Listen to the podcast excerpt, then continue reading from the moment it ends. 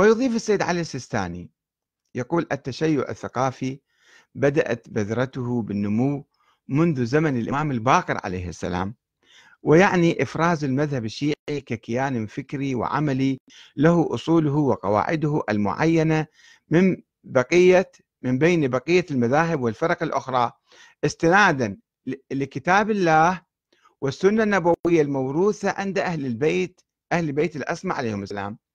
يعني الإمام باكر كما يقول السيد السيستاني الآن هو سوى له مدرسة خاصة اعتمادا على القرآن والسنة النبوية.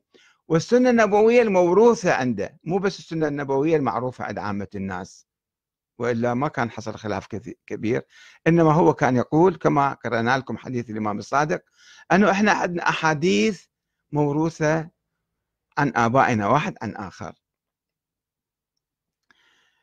ويقول يمتاز الفقه الاستدلالي عند الشيعة عن الفقه الاستدلالي عند غيرهم بأمرين. واحد امتداد السنة المعصومية إلى زمان أهل البيت. السنة سوى الأئمة والنبي كلهم معصومين فكلها يطلق عليها سنة. سنة النبي هي نفس سنة الأئمة وسنة الأئمة نفس سنة النبي. امتداد الصير امتداد السنة المعصومية إلى زمان أهل البيت عليهم السلام وشمولها لأحاديثهم وهذا يشكل ثروة فقهية متعددة الحقول في الفقه الاستدلالي الشيعي أكثر من غيره من المذاهب التي قصرت السنة على أحاديث الرسول صلى الله عليه وسلم. يعني الأئمة جابوا أحاديث من عندهم ما كان بقية الناس يعرفوها قالوا أن هذه من النبي جاية والسيد السيستاني يقول لا مو بس أنه عندهم أحاديث توارثوها عن آه، عن أبائهم بعد أكو شيء آخر أكثر من هذا باء أو أليف وباء. باء انفتاح باب الاجتهاد عند الشيعة نظريا وعمليا حتى زماننا هذا. هذا بعد أكثر صار. مما أدى لوجود حاجة ماسة لتطور علم الأصول واشتماله على بحوث وقواعد جديدة لم يسبق طرحها في الأزمنة السابقة. وهذه ميزة فاصلة بين الفكر الأصولي عندنا والفكر الأصولي عند بقية المذاهب الإسلامية. ف يعني بالحقيقة سوى أحاديث الأئمة عندهم عندهم ولاية تشريعية. هم لهم قدرة على نسخ القرآن والسنة السابقة وأحاديث الأئمة السابقين. وأيضا البعض يقول حتى الإمام ينسخ الأحاديث اللي قبله هو قال حديث قبل هسه يقول حديث ثاني. أكو عندنا شكل احاديث أنه هالسنة اليوم آه، عنده فتوى السنة الثانية عنده فتوى أخرى السنة الثالثة عنده فتوى أخرى. هذا أيضا موجود في الكافي موجود هذا. تعليقي على هذا الكلام بالحقيقة.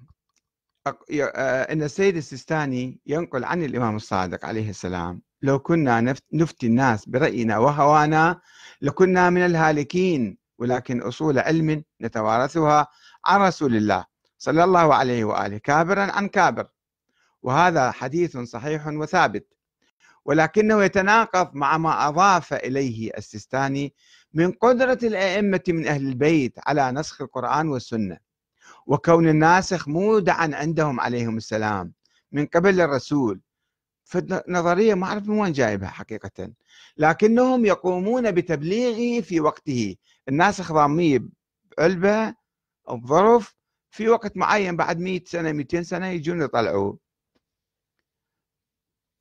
والنسخ التشريعي مو بس أنه نسخ مضموم عندهم مخبى لا. والنسخ التشريعي وهو عبارة عن صدور النسخ منهم ابتداء. وهذا يبتنى على ثبوت حق التشريع لهم عليهم السلام كما كان ثابتا للرسول صلى الله عليه وسلم. وهذه هذا كلام السيستاني.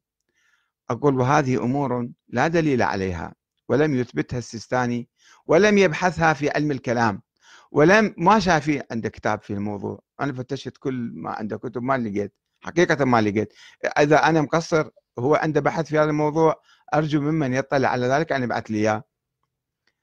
وهذه أمور ولم يبحثها في علم الكلام. هو قال قبل شوية أنه مسائل الخلاف بالفقه تبتنى على علم الأصول وعلم الأصول الشيعي اللي السيستاني ذكره أنه الأئمة قادرين على النسخ أو قادرين على أنه هم يسنون مسائل جديدة.